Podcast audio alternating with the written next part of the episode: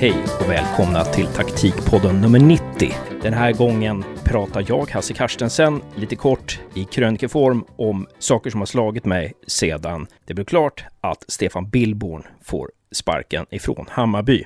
Vi skriver juni 2021. På knappt ett år har tre stycken av allsvenskans mest innovativa tränare fått lämna allsvenskan. Poya Asbaghi, IFK Göteborg, Jens Gustafsson fick inte förlängt med IFK Norrköping och Stefan Billborn som sagt fick gå från Hammarby.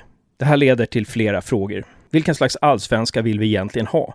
Vill vi ha en allsvenska där tränarna riskminimerar, inte vågar släppa fram juniorer, inte vågar chansa med värvningar, inte vågar ta risker i anfallsspelet, inte vågar spela vertikalt, inte vågar spela med platsförflyttningar, inte vågar spela på yta istället för på spelare.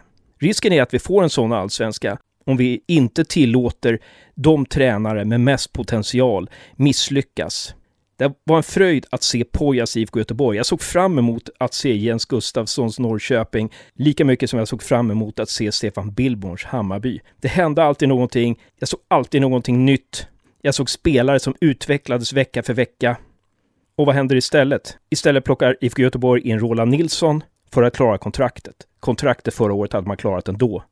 Och sen får Roland Nilsson sparken från IFK Göteborg. Vad hade folk förväntat sig för slags fotboll egentligen? Roland Nilsson tränade ett allsvenskt lag senast 2012. Han liknar mer Pelle Olsson och Tom Prahl än någon internationell modern tränare. Visste man inte det när man anställde Roland Nilsson, då är klubben IFK Göteborg verkligen illa ute. Och alla klubbar är egentligen väldigt illa ute när man nöjer sig med styrelsemedlemmar som inte har någon fotbollsbakgrund, som inte förkovrar sig, som inte utvecklar sig när det gäller fotboll och ledarskap.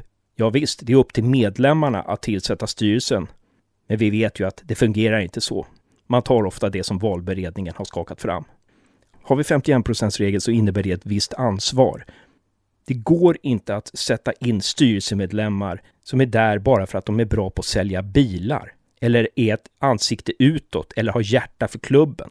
Vi måste få in styrelsefolk som förstår sig på scouting, som förstår sig på ledarskap, som förstår sig på att bygga en hållbar förening på sikt och som förstår sig på fotboll. Vi har en 16-lagsallsvenska, vi har 16 lag i superettan.